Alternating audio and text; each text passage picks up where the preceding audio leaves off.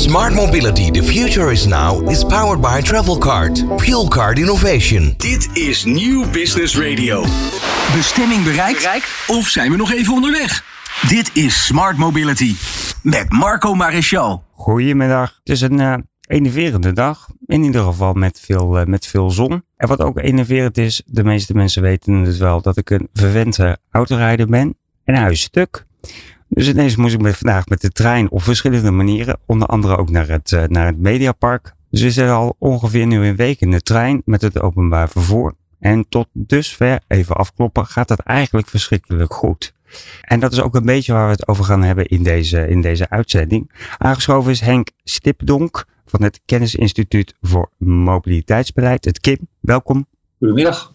Goedemiddag. Het KIM heeft recentelijk allerlei onderzoeken uh, naar voren gebracht, dus daar gaan we het dadelijk uh, over hebben. Um, maar ik mag Henk zeggen, dus dat is hartstikke mooi. Uh, hij is ook tevens de directeur van het, van het KIM heeft ook een column geschreven. En die column gaat eigenlijk in op de nabije toekomst en hoe hij dat ziet. En vaak ook in relatie met, met duurzaamheid. Maar zoals de luisteraars meestal van mij wel gewend zijn, begin ik altijd met een aantal vragen uh, over wat gebeurt er nu eigenlijk in de wereld. Wanneer is de laatste keer uh, geweest, Henk, dat je een hotel geboekt hebt? hotel boeken, dat doet mijn vrouw meestal.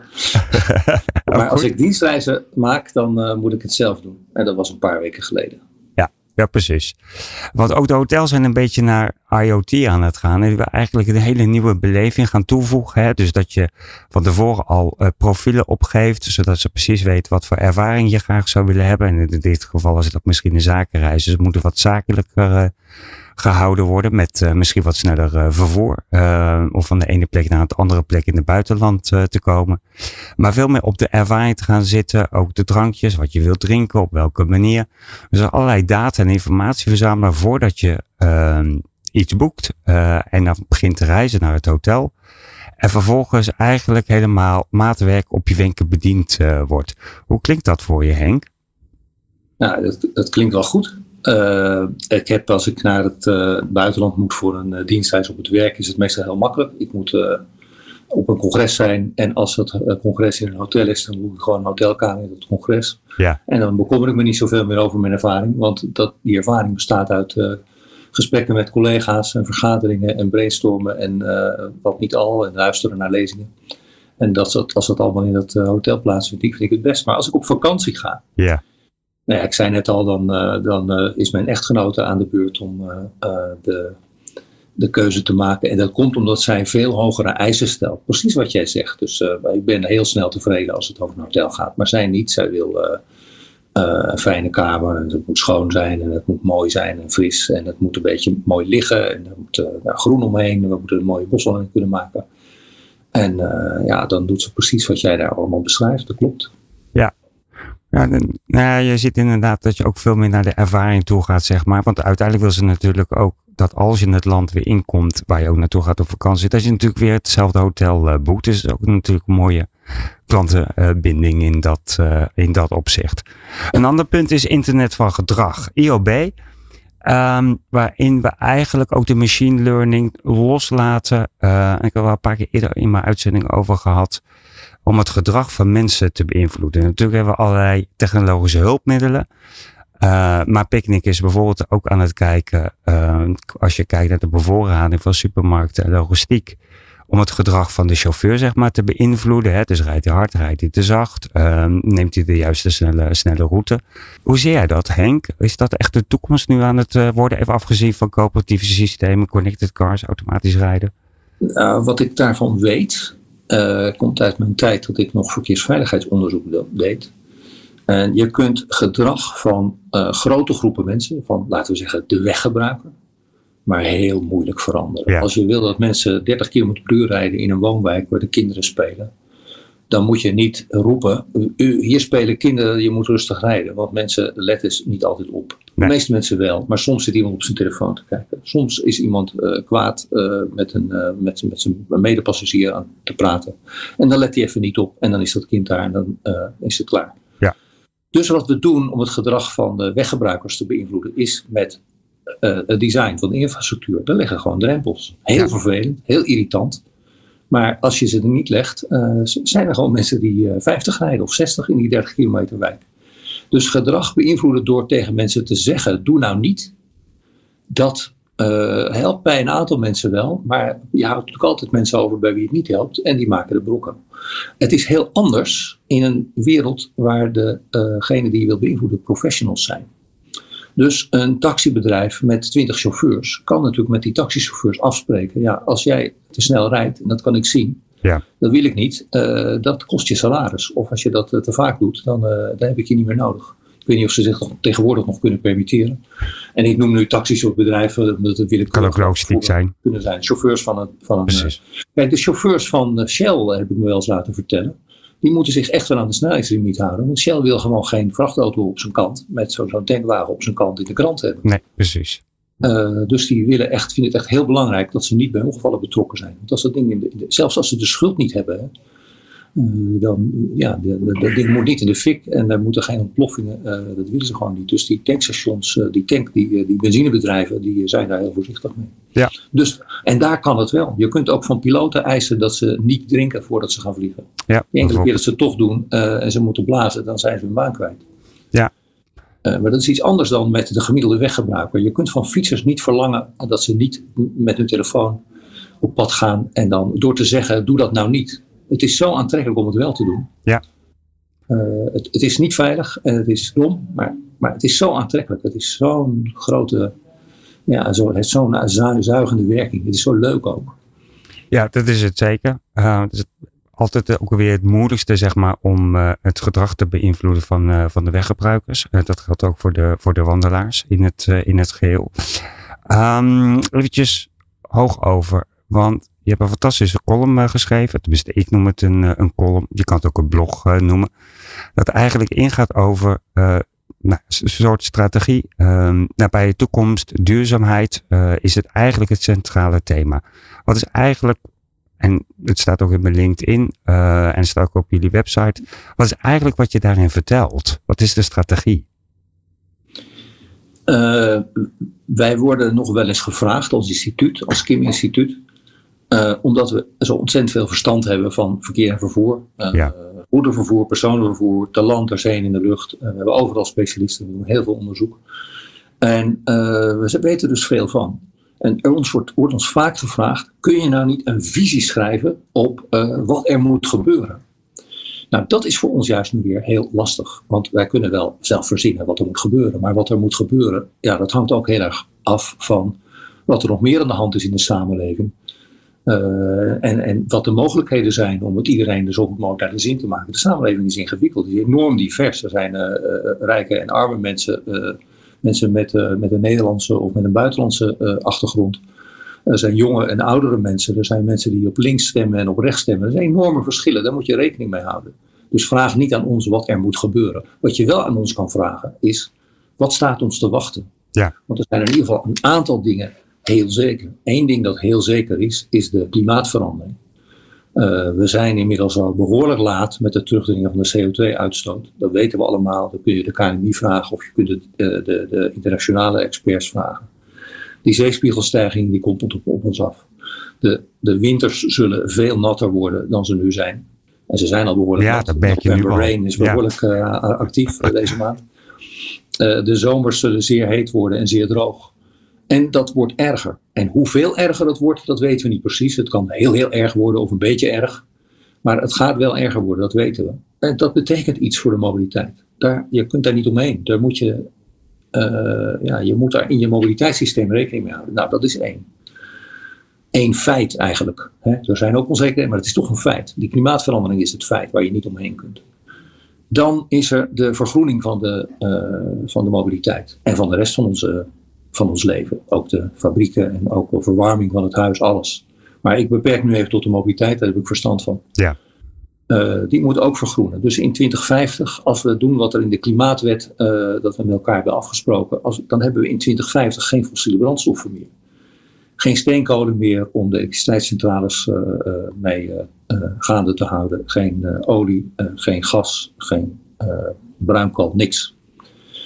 Uh, dat moet allemaal vervangen worden door zon en wind. Nou, en wie weet kerncentrales, maar uh, daar kun je ook lang over debatteren. Laten we dat hier niet doen. Maar zon en wind. Ehm, nou ja, vliegtuigen op batterijen, dat doe je maar niet zo gemakkelijk. Internationale zeevaart op batterijen, dat, dat gaat bijna niet. Dus, dus hoe, ziet dat eruit? Um, hoe, hoe vergroen je, hoe verduurzaam je de mobiliteit? Dat dat moet gebeuren, dat weten we. Ja. Ehm, en dat, dat, stelt ook eisen aan de, uh, aan het mobiliteitssysteem van de toekomst. Het stelt eisen aan de, het voertuigpark, de auto's, de vrachtauto's, de schepen, de vliegtuigen. Uh, het stelt eisen aan de energievoorziening die daarvoor nodig is en die heeft beperkingen. Het stelt eisen aan het elektriciteitsnetwerk en als je op waterstof wilt gaan vliegen of varen, wie zal het zeggen, dan moet je dus ook waterstoffabrieken bouwen. Uh, dat heeft allemaal uh, grote, grote consequenties uh, voor, de, voor, de, uh, voor de mobiliteit van de toekomst. En die transitie is natuurlijk een. Dat hebben we nog helemaal geen ervaring mee opgedaan. We, we hebben nog, eh, dat staat ons allemaal nog te wachten. Wat we moeten doen als we veel files hebben en mensen worden daar boos over. Tot nu toe wisten we wat we moesten doen. We, we, we maakten er gewoon wat extra rijstroken bij op de drukste wegen. En dan was er weer wat minder file. Ja, die, die, dat gewoonte uh, gedrag, die gewoonte manier om de problemen op te lossen, die, uh, die is er niet als het gaat over de vergroening van de mobiliteit. Nee. Daar moeten we het allemaal uitvinden. En ik zie dat, daar, uh, ja, dat, dat het helpt als je steeds het beeld vormt van we hebben straks vrachtwagens op batterijen of we hebben straks vrachtwagens op waterstof, maar niet meer op benzine. Nou, dus dat is de tweede zuil. De derde uh, die ik wil noemen, uh, kort, uh, is ja, wat we ook doen. Hè. Als we, we moeten de dijken gaan vermogen, verhogen, we moeten windturbines bouwen, we moeten het elektriciteitsnetwerk fors verzwaren. Dat moet verviervoudigd worden, geloof ik, die capaciteit. Dat is echt gigantisch. Um, daar moet de economie ook wel aan kunnen. dus we moeten ook een beetje kijken, ja, wat kunnen we nog missen? Al die technici die dat werk moeten gaan doen. Ja, misschien moeten we die allemaal uit het buitenland halen. Nou, dat is ook maar niet zomaar de, de oplossing, want waar moeten ze wonen? En we kunnen ook niet zeggen, uh, zorgpersoneel, we gaan jullie omscholen, want jullie zijn allemaal nodig in de elektriciteitsindustrie om, uh, om, om windturbines te bouwen Precies. of om laadpalen te plaatsen. daar, is een, daar is een grens aan wat we, wat we kunnen. Die grens is ook een feit. Nou, en, en dan de laatste, die dichtst bij ons eigen vak staat, dat is de vraag: hoe ziet dan de hoe ziet dan de mobiliteit er eh, in de, in de toekomst uit? als we misschien niet meer eh, onwillekeurig veel eh, asfalt kunnen bijdraaien, neerleggen. Um, onwillekeurig veel buslijnen bij kunnen laten rijden of treinen. Als daar grenzen aan zitten, hoe moeten we het dan oplossen? Um, nou, we zijn al een paar jaar bij ons ministerie, wordt heel druk nagedacht over de vraag Moeten we de mobiliteit nog wel blijven faciliteren of moeten we misschien een kwartslag draaien en kijken naar wat is de bereikbaarheidsbehoefte van mensen? Hoe uh, ja, is het per se nodig om uh, die 100 kilometer uh, tussen woon en werk zo snel mogelijk af te leggen? Kunnen ja. we misschien ook kijken naar de ruimtelijke ordening van de samenleving? En, en, dat is bereikbaarheid oplossen, bereikbaarheid verbeteren door de ruimtelijke ordening aan te passen. Misschien door meer functies bij elkaar te voegen. In plaats van enorme woonwijken aan de ene kant van de stad en uh, het industriegebied aan de andere kant van de stad. Ja, dat zie nou, ik zal het hier maar even bij laten. Ja. Volgens mij is dat wel een aardig antwoord op je vraag. Ja, hele mooie uh, drietrapsraket in, het, uh, in het geheel.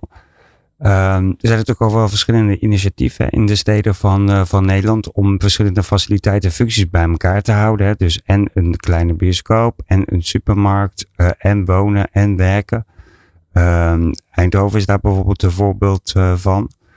Um, ik heb er zelf ook nog wat onderzoek naar gedaan voor een gemeente om te vragen of mensen dat, uh, dat wilden. Hè? Dus veel meer concentratie van verschillende faciliteiten, zodat je minder hoeft te reizen. Uh, met leuke bars en zitjes en meer groen. En dat scenario viel eigenlijk, en dat is toevallig voor de gemeente Hilversum. Ja, sorry jongens, we zitten hier ook. Um, viel eigenlijk, was heel populair. Um, maar viel eigenlijk als scenario af. Omdat dat weer heel ingewikkeld was om dat weer te organiseren in bestaande steden. Um, op, die, uh, op die manier. Misschien wat makkelijker zeg maar als je nieuwbouw gaat doen en die faciliteiten daarin doet. Maar het is ook een andere, uh, andere mindset. Uh, dus dat je op een andere manier kijkt naar, je zegt van mobiliteit naar bereikbaarheid. Ja, dat is wel een ingewikkelde. Dan komen we toch weer terug op dat, op dat gedrag. Dus daar moet je op de een of andere manier uh, zien te faciliteren en invloed op uitoefenen. Uh, ja, wiens gedrag? Uh, dat kan natuurlijk ook gewoon het gedrag zijn van de gemeenteambtenaar of van de wethouder die, uh, ja, die, die, die, een keuze maakt. Ja. Ik sprak een wethouder van nou, een van de vele mooie grote steden die we hebben in Nederland. Die zei, als er bij ons een winkel sluit, dan wil de eigenaar van dat pand daar doorgaans een, twee woonhuizen voor maken. Ja. Of drie of één. Ja. Dat willen we niet meer. Nee. Want als we daarmee doorgaan, dan is straks ons hele centrum bewoond. En dan zijn er geen winkels meer, dan zijn er winkels in de buitenwijken.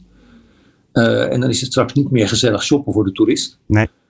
Uh, dus, uh, nou, ja, je, dat, dat, dan krijg je dus een heel andere vraag. sluit een winkel, de eigenaar wil daar een woning. En ja, die, die, die, dat is een kleine wijziging van het bestemmingsplan. Die krijgt dat er gewoon niet door. Want die gemeente wil functiemenging houden in Ja. zijn binnenstad. Ja. Nou, ik vind dat wel dapper. En ook uh, blijk geven van uh, een vooruitziende blik. Niemand weet natuurlijk waar je echt goed aan doet, maar het is in ieder geval op één front helemaal juist. Namelijk, die functiemenging is belangrijk Ja. voor, de, voor de afstand tussen, tussen wonen en werken. En je voorkomt hiermee ook de bewegingen, dus naar de rand van de Ja. stad, omdat je daar boodschap moet doen. Of welke vervoersvorm, Ja. even afgezien van de vervoersvorm die, je- die je wil eh, gebruiken. Maar je krijgt steeds meer bewegingen. Je krijgt nog meer bewegingen. Ja, en de neiging is om te concentreren. Ja. Hè, Dus de neiging is om nieuwe, nieuwe woonwijken te bouwen en nieuwe winkelcentra te bouwen. Er zijn van die grote shoppingcenters waar je dan al ja, met enorme parkeerdaken erbovenop. Ja, dat gaat nu allemaal nog prima. Maar op het moment dat, we, eh, dat al die auto's elek- elektrisch moeten rijden en er misschien niet genoeg elektriciteit is voor die auto's, of niet genoeg batterijen, eh, of niet genoeg laadinfrastructuur, gewoon omdat we, omdat we het niet op tijd redden. Niemand weet dat dan, dan, is hij, dan is het ineens lastig geworden om die winkelcentra nog te bereiken voor heel veel mensen. Ja.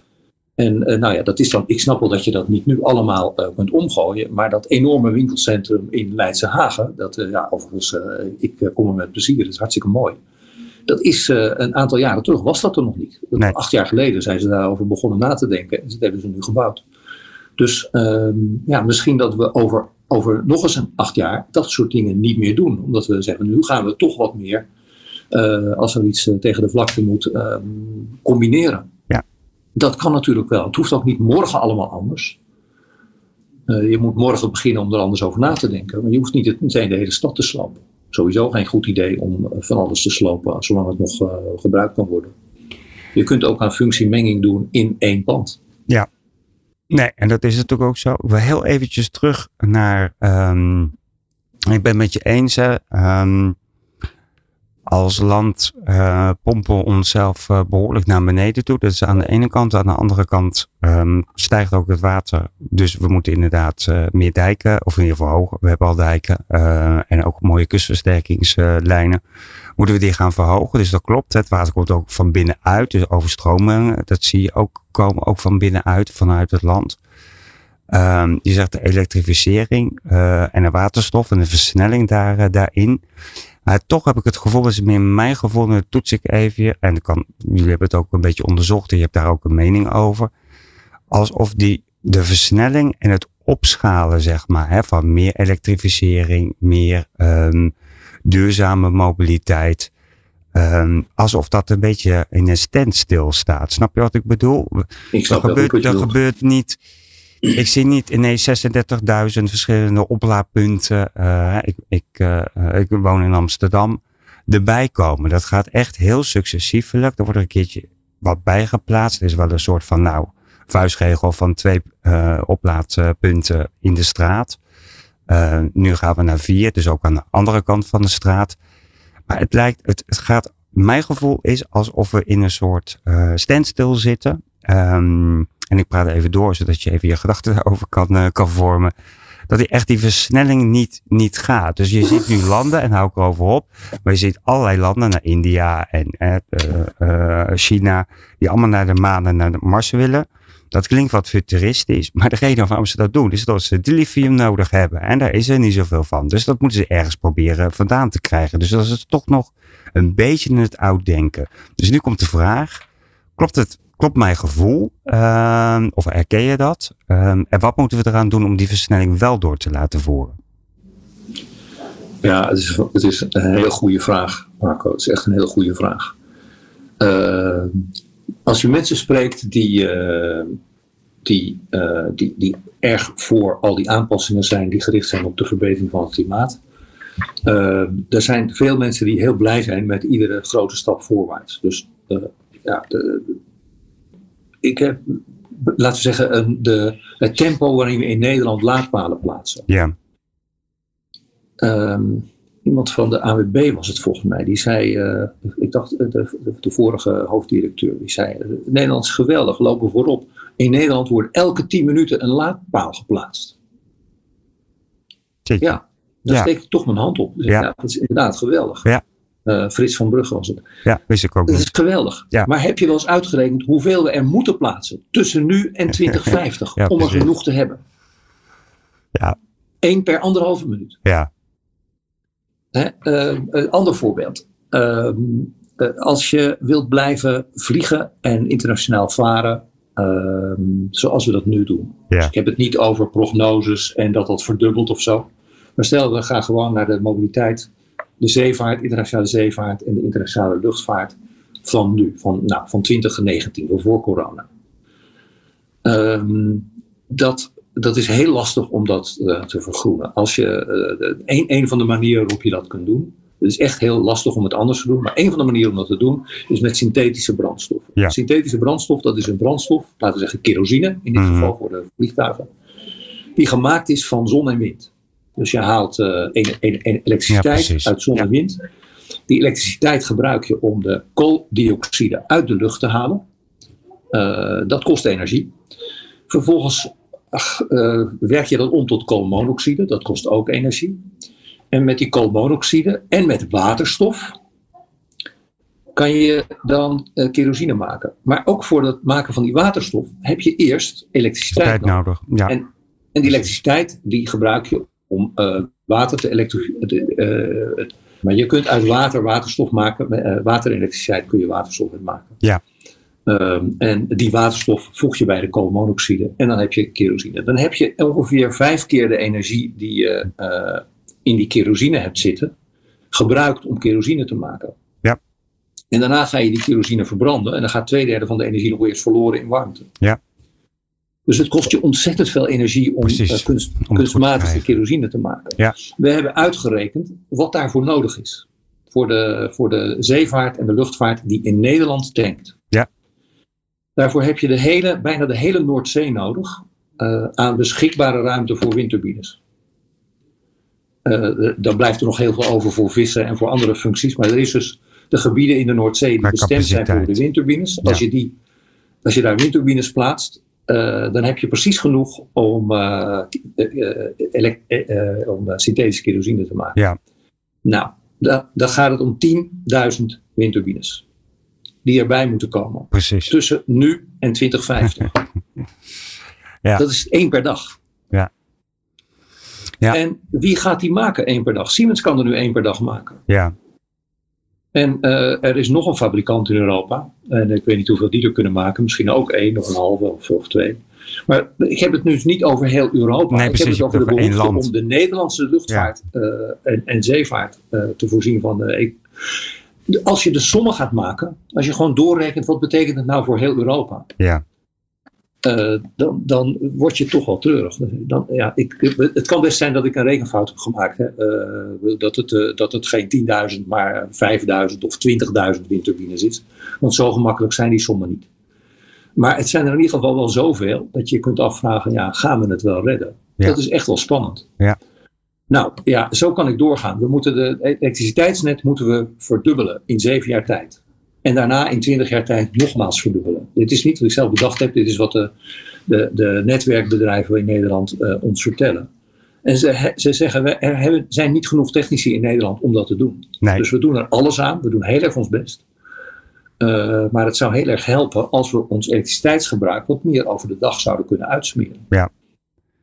want nu is alles op een piekbelasting berekend. En ja, ja. Nou ja, dus, dus, dus dat, eigenlijk hoor ik je nu zeggen tegen me van, ik ben te ongeduldig en het heeft meer aanlooptijd nodig. Ja, het had gescheeld als we in, 20, in, als we in, uh, in 1990 waren begonnen. Ja, precies. precies. Nu, is het, nu is het kort dag geworden. Dus ja, ja als je mij vraagt. Ehm, maar dan ga je misschien straks pas vragen. als je mij vraagt, wat betekent dat nou voor de mobiliteit als, als die schaarste echt gaat optreden? Ja. Ja, kijk, schaarste kun je niet met geld oplossen. Nee.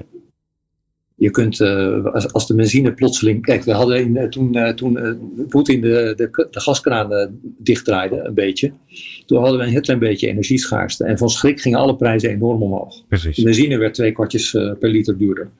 En iedereen schreeuwde moord en brand. Want dat kon toch niet? Ik heb er toch recht op in mijn benzinetank voor de normale prijs vol te kunnen tanken. Dat snap ik wel. Ja. Zeker als je moeilijk rond kunt komen. Of als je, als je ja, laten we zeggen, een wijkverpleegster bent. En je kunt niet zonder je autootje. Omdat je 30 adressen langs moet elke dag. En, niet, en dat gaat niet met de bus. En dat autootje, dat is al bijna niet te betalen met je wijkverpleegstersalaris. Uh, ja, nou, hoe, ik weet niet hoe ik het haar moet uitleggen. Even aannemen dat het een zij is, die wijkverpleegster, dat hoeft natuurlijk helemaal niet. Uh, hoe, hoe, hoe zij uh, rond moet komen als die benzine twee kwartjes duurder wordt. Ja. Dat gaat natuurlijk niet, dus je moet ook wel wat doen. Maar de schaarste los je er niet mee op. Nee, je kunt haar wel helpen om uh, die benzine betaalbaar te houden, maar dan, als het echt om schaarste gaat en er is niet genoeg, kun je het met geld niet oplossen. Nee. In dit geval met Poetin was het natuurlijk eigenlijk geen schaarste, het was Nee. gevreesde schaarste. Ja. En je kan altijd nog, als je rijker bent dan je buurland, dan kun je altijd nog de benzine die, die anders naar je buurland zou gaan, naar, je, naar jouw land toe halen. Ja. Maar als er echte schaarste is in de hele wereld, dan Ja. gaat het niet meer. Nee, precies. Zo dadelijk, eventjes. Een, ehm, gaan we het hebben over. Jullie hebben groot onderzoek uh, gedaan. Ik ben erg benieuwd naar de resultaten. Staat ook uh, online. Um, en dan gaan we het even verder hebben over het uh, over schaarste inderdaad. Dat lijkt me een heel goed, goed onderwerp. Stay tuned. Stilstaan is geen optie. Met Marco Maréchal. Dit is Smart Mobility. Henk Stipdonk is onze gast uh, vanuit het KIM, directeur. Maar niet alleen directeur, ook iemand die echt, echt een mobiliteitsman is. Dat hebben we ook net gehoord toen we het over de strategie hebben, de visie, mobiliteit van de nabije toekomst. Hoe ziet dat eruit? Dat laten we heel even achter ons, want KIM heeft een aantal verschillende rapporten uit, uitgebracht. En ook gedaan. Die zij zeg maar ter kennisgeving voorleggen aan het ministerie. En het ministerie maakt daar vervolgens, uh, doet daar hun eigen interpretatie op en maakt er beleid uh, van. En uiteindelijk zal dat ook een politieke kleuren hebben. Maar dat is niet wat het KIM doet. Het KIM doet gewoon echt onderzoek naar mobiliteit en mobiliteitsbewegingen onder andere. Pak eens een onderzoek. Uh, Henk, wat vind je, wat, waar zullen we het over hebben? Kun je het over COVID hebben, over deelmobiliteit? Waar wil je mee beginnen? Wat zijn een beetje Ja. de leuke resultaten? Ja, ja we, we doen heel veel. We hebben gemiddeld elke twee weken wel een rapport dat, eh, dat de moeite loont. Als je tenminste in alles geïnteresseerd bent. Als je niet in alles geïnteresseerd bent, dan zul je af en toe wel iets overslaan. Maar bijvoorbeeld vandaag, vandaag hebben we eh, een klein rapport uitgebracht. Klein maar fijn. Over eh, de ontwikkeling van de mobiliteit op de fiets. Fietsfeiten. Oké. Ehm, ja, ja het, is ook een, het is ook een hele verzameling van, van alles en nog wat interessant is over die fiets. Ja. Eh, ik ga dat niet allemaal, ik heb het ook niet allemaal uit mijn hoofd geleerd, het is bijna niet te doen. En ik ga het rapport ook niet voorlezen, maar om wat te noemen, we, ge- we geven dan aan, nou, hoe is de mobiliteit van die fiets, heeft die zich ontwikkeld? Nou, dat neemt toe. We fietsen nu eh, gemiddeld drie kilometer per dag eh, alle, over alle Nederlanders samen. Oké. 18 miljard eh, kilometer eh, ruim. De elektrische fiets is daar natuurlijk Precies. belangrijk in. Hè? Dus Ja. die, die is in de mode geraakt. Ja. Een fiets op een elektrische fiets doorgaat iets verder dan op een gewone fiets. En alleen al daardoor stijgt de mobiliteit eh, op de fiets eh, weer. En, ehm, ehm, eh, en ook eh, ja, of het met die elektrische fiets te maken heeft of eh, met het eh, telefoneren op de fiets of eh, met eh, de fatbike, dat weten we niet precies. Nee. Maar ook de onveiligheid op de fiets eh, is gestegen. Dus we hebben, we hebben echt fors meer verkeersdoden ehm, geteld in Ja, Dat is 2022. stijgen, hè? Ja. Ja, maar daar hadden we dus jarenlang hadden we 200 verkeersdoden op de fiets. Eh, Ja. En dat zijn er in twee jaar tijd zijn dat er 300 eh, per jaar. Ja. Of 239 70 of zoiets. Dus bijna 300. Dat is echt heel veel. Ja. En nou, we hebben een ander instituut in Nederland. Dat is de Stichting Wetenschappelijk Onderzoek Verkeersveiligheid. Die, dat, die uitzoeken waar daar nou precies de achterliggende oorzaken voor te vinden zijn. Dat uh, gaan wij ook niet over. Nee. Maar dat zijn ook van die, ja, dat zijn ook belangrijke ontwikkelingen die je wilt weten. En dat is niet onbelangrijk, die fiets. Nee. Uh, ook al vanwege het onderwerp dat we net bespraken. De fiets is natuurlijk voor wie, uh, voor wie er uh, van heeft leren houden. Een hele ehm, gezonde en klimaatneutrale en ongestievrije wijze van je verplaatsen. Ja, en als je realiseert dat de, de helft van de, van de autoverplaatsingen ook korter zijn dan 7,5 kilometer ja, iedereen die, het, die de stap te, waagt te zetten, die zou dus gewoon al die ritten voortaan per fiets kunnen doen. Een beetje Ja. vervelend als je in november door de regen moet. Ja, ik kom inderdaad wel eens met soppende sokken in mijn schoenen thuis. Dat is niet leuk. Maar meestal gaat het goed. En Ja. ja, ja het is gezond. En uh, Ja. uh, ja, het enige is dus dat het, dat het niet zo veilig is. Dus het is een heel goed idee om goed te volgen hoe dat zit met de verkeersveiligheid van fietsen. En ook het gebruik van die fietsen. Omdat ze voor de ja, voor het klimaat is er bijna niks beters. Nee. Uh, dus nou, dat is één voorbeeld. Een ander voorbeeld van twee weken geleden is het uh, mobiliteitsbeeld. Dat is zoiets als fietsfeiten, maar dan voor alles op het gebied van de mobiliteit. Dus ook het autogebruik en het gebruik van andere vervoerwijzen, het vrachtverkeer, het, Ja. de scheepvaart, de luchtvaart. Alles komt aan bod. En daar doen we ook altijd uh, korte termijn uh, verkenningen voor. Dus uh, daar is altijd wel heel erg veel belangstelling voor in de, in de media. Iedereen, nou, we brengen 200 pagina's rapport uit. ja, 185 pagina's. En de, de eerste en soms zelfs enige vraag die ik krijg is: oké, okay, er zijn files. Hoe gaat het de komende vijf jaar zijn? Nou, nou daar komt hij dan. ja, de, de, we hebben daar verschillende scenario's van. Maar ga maar uit van dat de, de gemiddelde reistijdverliezen met 14% zullen toenemen in de, in de komende vijf jaar. Uh, en uh, ja, als het heel erg tegen zit, misschien zelfs wel 40%. Jeetje. Um, en, nou, en dan hebben we dat ook weer gehad. Overigens, uh, goed om te melden dat reistijdverlies, dat is de, de tijd die je extra onderweg bent, omdat eh, de snelheid die je kan rijden lager is dan 100 km. Precies. Ja. Dus het betekent niet dat als de, de, de reistijdverliezen stijgen met 14%, dat je 14% langer onderweg bent. Maar je staat 14% langer in de file. Oké, okay, op die manier. Hm. Ja, en uh, um, ja, een ander onderzoek van alweer, denk ik, ruim een jaar geleden, toonde aan dat, nou, twee jaar geleden denk ik al wel, toonde toen aan dat de, van de ergernissen die mensen in het verkeer ondervinden, ja. het in de file staan al lang niet meer de grootste ergernis is. Nee. Men is eraan gewend, of ja. uh, er zijn andere dingen erger geworden. Maar de samenleving heeft dus uh, leren omgaan met, uh, met files. Dat is ook wel interessant om te weten. Wij vragen dat soort dingen aan, uh, aan een panel. Dus het, het KIM heeft een eigen onderzoekspanel. Ja. misschien vind je het goed als ik daar iets over vertel. Ja, graag. Het is, namelijk, het is tamelijk bijzonder. Er zijn bijna geen onderzoeksinstituten zoals de onze op de wereld. er zijn er wel vast, maar bijna niet. Ik hoor er zelden over. Die zo'n panel hebben. Ja. Uh, dat longitudinaal. Dat wil zeggen, in de tijd blijft dat, blijven die mensen in dat panel zitten. Dus uh, de mensen die wij nu een vraag stellen over hun reisgedrag, we hebben diezelfde mensen vorig jaar ook vragen gesteld over dat reisgedrag.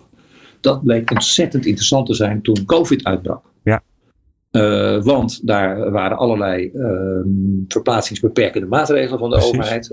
je moest thuis blijven. Moest niet, maar liever wel. en we konden dus onmiddellijk een paar maanden na, of een paar weken na, de, na, de, na de, de start van die maatregelen, konden wij de mensen vragen: hoe reis je nu? Hoe reis je naar school of reis je niet? Hoe reis je naar je werk of reis je niet? Uh, welke reisje maak je, maak je nog? En we konden dat vergelijken met het reisgedrag van een jaar daarvoor. Van Ja, diezelfde precies. mensen. Ja. We wilden precies zien wat er gebeurde.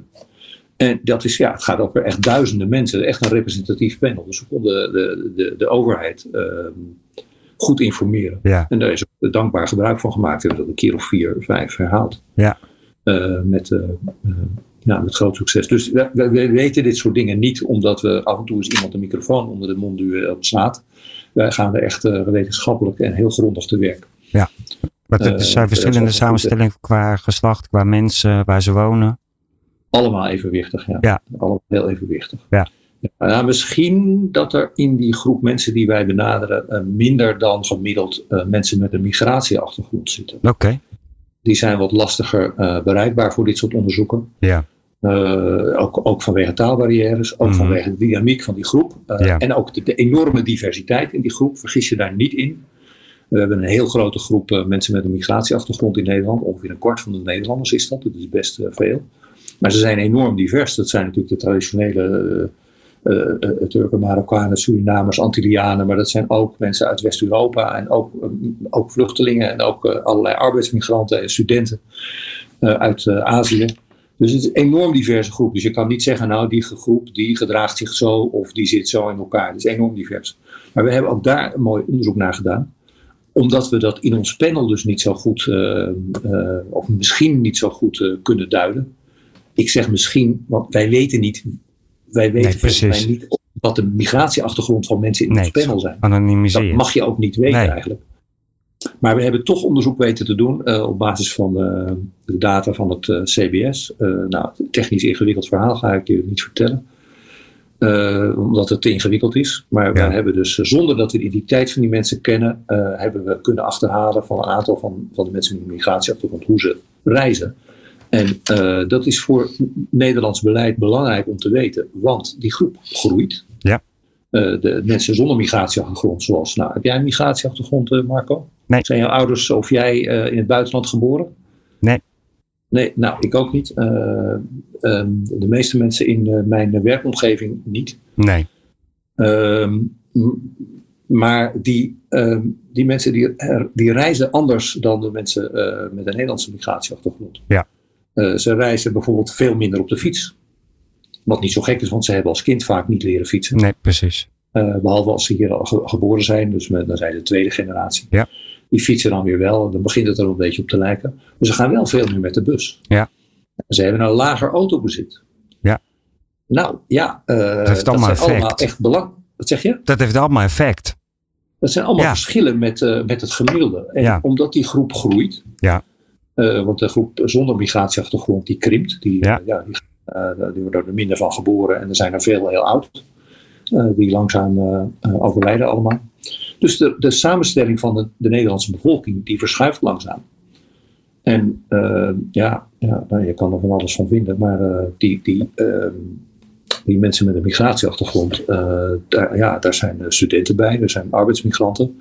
De zonnepanelen die een paar jaar terug bij mij op een dak zijn gelegd, ja, dat waren twee Bulgaren. Ik Ja. denk dat als ik had gezegd ik wil Nederlanders, dat ik een jaar langer had moeten wachten. Want Nee. er zijn gewoon, die zijn er niet, die technici. Dus Nee, precies. Want de Eh, ja, arbeidsmigranten ingewikkeld. gaat natuurlijk steeds meer doornemen. hè, dat gaat steeds meer toenemen. Want we hebben ook gewoon Ja. veel meer arbeid op dit moment. Dus, en dat is Ja. niet alleen in Nederland, dat is in heel Europa. Ja, nou niet in heel Europa. Nee? In Litouwen, waar ik laatst was, Ja. eh, had ik die dienstreis naartoe, Ja. daar krimpt de bevolking. Oké. Ja, die, die komen eh, bij ons eh, zonnepanelen op het dak leggen. Ja, precies. Op die manier. Ja. Ja. Ja, maar Ja. ook nog, nog, één, nog één belangrijk feit dat de moeite waard is over die mensen met migratieachtergrond. Ze hebben ook een lager autobezit, maar Mhm. als ze een auto hebben, dan moeten ze daar doorgaans wel verder voor rijden naar hun werk. Ja, en de luisteraars eh, onder, eh, eh, onder u die denken, ja, maar is daar wel netjes gecorrigeerd voor inkomen? Want misschien zijn die, hebben die mensen met migratieachtergrond wel een lager inkomen of wonen ze in de grote stad. Ja, dat klopt, Ja. ze wonen in de grote stad. De helft woont in de grote steden. En inderdaad hebben ze een lager inkomen en inderdaad hebben ze een andere leeftijd. Maar uiteraard hebben we voor die resultaten keurig gecorrigeerd. We hebben vergeleken, we hebben al die feiten vergeleken met mensen zonder migratieachtergrond met dezelfde kenmerken. Ja. En dan nog zie je die verschillen.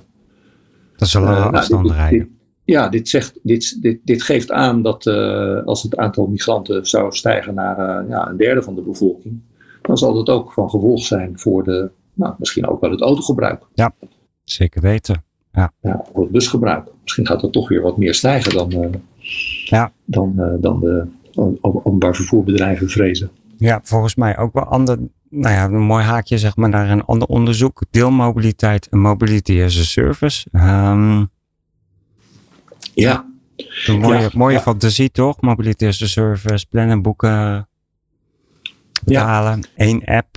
Ehm, niet Ja. ingewikkeld, op basis van je levens- levensstijl. Eh, dat vul ik dan altijd maar, gooi ik er altijd maar weer, eh, weer in. Ehm, gemak, genot. ehm, precies zoals je het eh, wil. Eigenlijk zeg maar Het boeken van het hotel door je vrouw. Dat ze gewoon alles krijgt. Extra kussentjes, extra uh, hè, wat jullie drinken, extra dit, extra. Helemaal op maat gemaakt. Vertel. Ja, nou, de, bij Mobility as a Service eh, gaat het niet over de drankjes. Oh, jammer. Uh, maar wel over de, over de reisopties die je hebt. Ja. Um, ja, er zijn, kijk, er zijn, um, er zijn weinig manieren om de mobiliteit krachtig te beïnvloeden.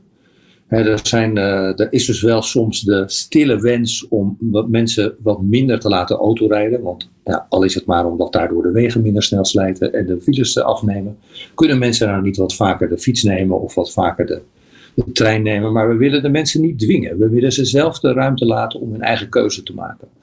Dus wat doen de beleidsambtenaren van INW? Die gaan op zoek naar manieren om het makkelijker te maken om een overstap te maken. Dus die zeggen, kunnen we nou niet meer deelmobiliteit aanbieden? Gewoon auto's die in de straat staan en als je dan geen auto hebt of geen tweede auto hebt, je hebt er een auto nodig, dan huur je een keer die deelauto. Dan ja. ga je tenminste niet te snel naar de tweede auto over. Of kunnen we nou niet mensen die zonder auto's zijn, een, uh, via een uh, Mobility as a Service app in staat stellen om een reis te zoeken, te boeken en te betalen. Via één zo'n app lekker alle services uh, makkelijk in, in één hand. Als het niet anders kan, ga je met een taxi of je gaat in een deelauto of er gaat een, een bus een eindje verderop of je fietst eerst een stukje. En je hele route wordt je nou ja, de weg gewezen in zo'n app over wat het makkelijkste is. Dat soort onderzoeken zijn gedaan.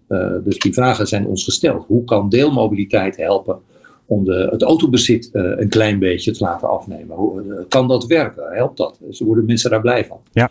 Of, of uh, kan Mobility as a Service me mensen zodanig helpen dat ze zich net zo prettig kunnen verplaatsen als wanneer ze wel een eigen auto voor de deur hadden. Ja. Nou, die onderzoeken die vallen altijd een beetje tegen. Mhm. De onderzoeken zijn wel goed. Maar de resultaten die vallen tot nu toe altijd een beetje tegen. Dus bij Mobility as a Service vonden we dat uh, eigenlijk twee dingen. Eén, er is maar een heel kleine groep mensen in geïnteresseerd om dat te doen. Dus heel veel mensen die zeggen, nou ja, ik heb er geen behoefte aan. Ik uh, ga wel op de fiets of ik ga wel met de bus. Of de meeste natuurlijk, ik heb een eigen auto en dat laat ik lekker zo. En daar kom ik overal mee. Ja. Duur niet. Uh, maar er zijn wel mensen die daar wel interesse in hebben. Mhm. Dat zijn hoogopgeleide uh, mensen die uh, toch al veel van het openbaar vervoer gebruik maken. Die ook vaker een reis naar het buitenland maken. En als je dan goed inzoomt op die mensen, dan snap je het ook wel. Ja. Want uh, ja, als jij, jij, jij gaat, ja, net als ik, ik ga elke dag naar mijn werk. Ik pak altijd de fiets. En jij pakt misschien altijd de auto. Of nou, tegenwoordig pak je de trein, hoor ik. Ja. Uh, maar je gaat normaal gesproken, als jouw auto niet stuk is, ga je niet elke dag op je Mobility as a Service app kijken hoe je nu weer naar het werk gaat. Nee, Henk, maar we gaan je nu toch onderbreken, want ik ga nu helemaal los. Kijk, het mooie zou zijn, als je het hebt over gemak en genot, kijk, mijn auto is stuk. Nou, dat is vervelend, dat ken ik, duurt nog twee weken, ik weet niet wat er anders is, maar dat maakt niet uit. Zou het niet mooi zijn, maar dit is eventjes, want dit gaat over gemak en genot. Zou het dan niet mooi zijn dat de garage zegt van, oh jee, je auto is kapot. Dat gaat nog een paar weken duren of een maand duren, want hij staat er al sinds vorige week. Dus het duurt nu in totaal een maand. Daar hebben we nu een app voor en in die app, um, en die krijg je gratis, uh, kun je dus gewoon uh, voor allerlei dingen boeken. Je krijgt voor ons een, uh, een, een elektrische auto mee. Je krijgt de fiets mee. Dan gaan we helemaal, je gaan, we gaan je helemaal ontzorgen. Of met deelmobiliteit, dus met green wheels of op een andere manier. Zodat je zeg maar toch nog je vervoer kan doen op de plekken daar te komen die je nog moet doen. Wat ik nu moet doen, is als ik iets wil, dan moet ik dus nu apart naar Greenwheels gaan. Ik moet apart naar de, de, de, de trein kijken. Ik moet apart naar een tram kijken of, of naar een fiets. Of, nou, de fiets heb ik gelukkig zelf, dus daar hoef ik niet apart naar te kijken. Um, dan is het weer heel erg versnipperd. Dat is geen gemak en genot. Nee, dat klopt. Dat klopt, je hebt helemaal gelijk. Uh, en uh, daar, dat klinkt ook als een heel goed voorbeeld van hoe het zou kunnen werken. Ja. En dat komt door twee dingen. Eén is, jij staat er open voor.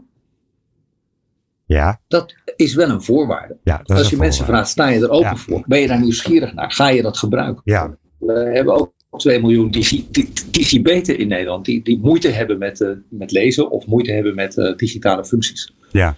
Uh, ook daar hebben we onderzoeken van, zal ik niet verder over uitweiden. Maar dat is best een grote groep. Ja. Die, die het tempo van de, de digitalisering in de samenleving niet kan bijbenen. Mhm. En die vinden die app ook niets. Maar daarnaast zijn er dus ook mensen die, die nou, toch al geen auto hebben. En nou, dan wordt het natuurlijk makkelijk. Ja. Um, uh, maar die, uh, nou, die er geen zin in hebben om dat via zo'n app te doen. Dus die zeggen van nou, ik huur wel een auto of geef me maar een vervangende auto mee. En desnoods betaal ik daar wat voor. Ik heb geen zin om daar, daar zo'n app voor te gebruiken. ongeveer 10% van de mensen zegt, laat mij dat maar doen, die app. Mhm. En de rest zegt, nou, ik ben er nog niet aan toe, laat me Nee. zitten.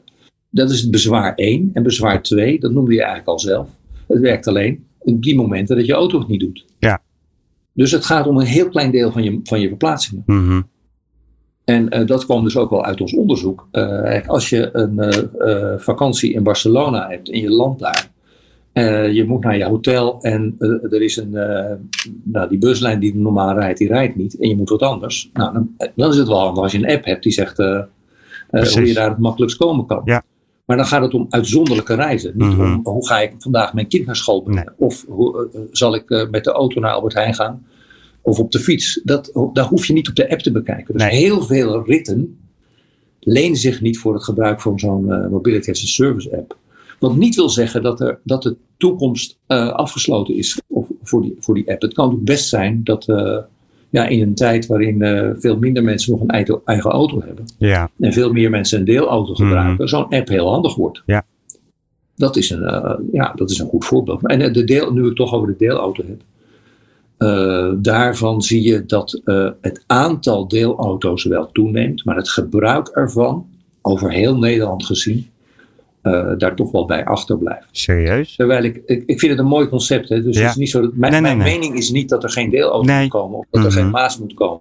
O- onze resultaten zijn Precies. dat het maar heel mondjesmaat eh, opschuift de goede kant op. En eh, dat deelautogebruik, dat is dus veel minder toegenomen in de afgelopen tien jaar dan het deelauto aanbod. Er zijn heel veel mensen zoals jij en ik die zeggen, nou, mijn auto kan ook best. Ik schrijf me gewoon in op het platform. Je Precies. kunt mijn auto gebruiken. Ja. Nou, verder zijn er natuurlijk business eh, to consumer platforms, die, Ja. die de Green Wheels en de, en de eh, andere, eh, Snapcar. nou allemaal noemen. Ja, ik weet ze niet zo gauw. Maar ja, mooie concepten en Ja. die werken natuurlijk ook goed. Maar eh, ja, wel, wel grappig is, eh, eh, iemand schreef laatst, eh, eh, omdat- dat is mijn eigen zoon, die schreef, eh, ja, kijk, ik sta hier, het is hartstikke druk op, in, in, in, in, in, in Nederland, overal staan files. Ja. En hier staan vier deelauto's en ze worden niet gebruikt. Hoe kan dat nou? Ja. Ja, toen was mijn antwoord daarop. Als, er, als de deelauto's zouden worden gebruikt om elke dag mee in de file te staan, dan zouden mensen toch heel snel overstappen op een eigen auto. Want de deelauto is natuurlijk niet bedoeld om elke dag mee heen en weer te rijden. Eh, daar is hij op dit moment eh, nog veel te duur voor. Ja. Eh, Je gebruikt die deelauto alleen als je af en toe een auto nodig Precies. hebt. Niet als je elke dag overal met de Nee. auto naartoe moet. Dan is een eigen auto Nee, dat is prima veel te duur. Dat helpt ook niks meer. Nee. Nee. Dus, dus die deelauto die gaat ook maar over een klein deel van de ritten. Ja. Dus in ieder geval op dit moment. Ja. Maar ik heb deelautogebruikers onder mijn beste vrienden. Dus het, het is een mooi concept. Daar, daar zeg ik niks eh, voor. Ik wil niks lelijks zeggen over de deelautogebruik. Het, ja, het, het, is, het, zou sneller mogen groeien dan het doet. Precies, precies. Want daar gaat het over. Uh, kijk, al die uh, hebben stippen best wel veel onderwerpen aan. Alles heeft een potentie. En bij elkaar opgeteld zou het misschien inderdaad allemaal helpen. Maar het gebeurt nog op de een of andere manier te versnipperd in, het, in het geheel. Hè. Dus dat geldt ook voor deelmobiliteit, deelfietsen, deelscooters um, enzovoort. Er ook allerlei beperkingen uh, aan. Je weet ook heel veel jongeren zouden ook heel graag gewoon, uh, die kunnen gewoon helemaal geen eigen auto betalen. Um, dus die willen heel graag naar een deelauto toe. Uh, maar ja, dan lopen ze tegen praktische dingen aan. Ik bedoel, ik heb ook een dochter en die zegt ja, ik wil wel. En ik heb net mijn rijbewijs, maar moet dus nu een jaar wachten uh, voordat ik überhaupt in die auto kan. Want je moet een jaar lang een rijbewijs hebben en kunnen aantonen dat je geen ongeluk hebt gemaakt. En het is ook hartstikke duur. Um, ze woont nu op zichzelf, dus of je dat het zelf moet, uh, moet betalen, maar dat is ja. weer wat, uh, wat anders.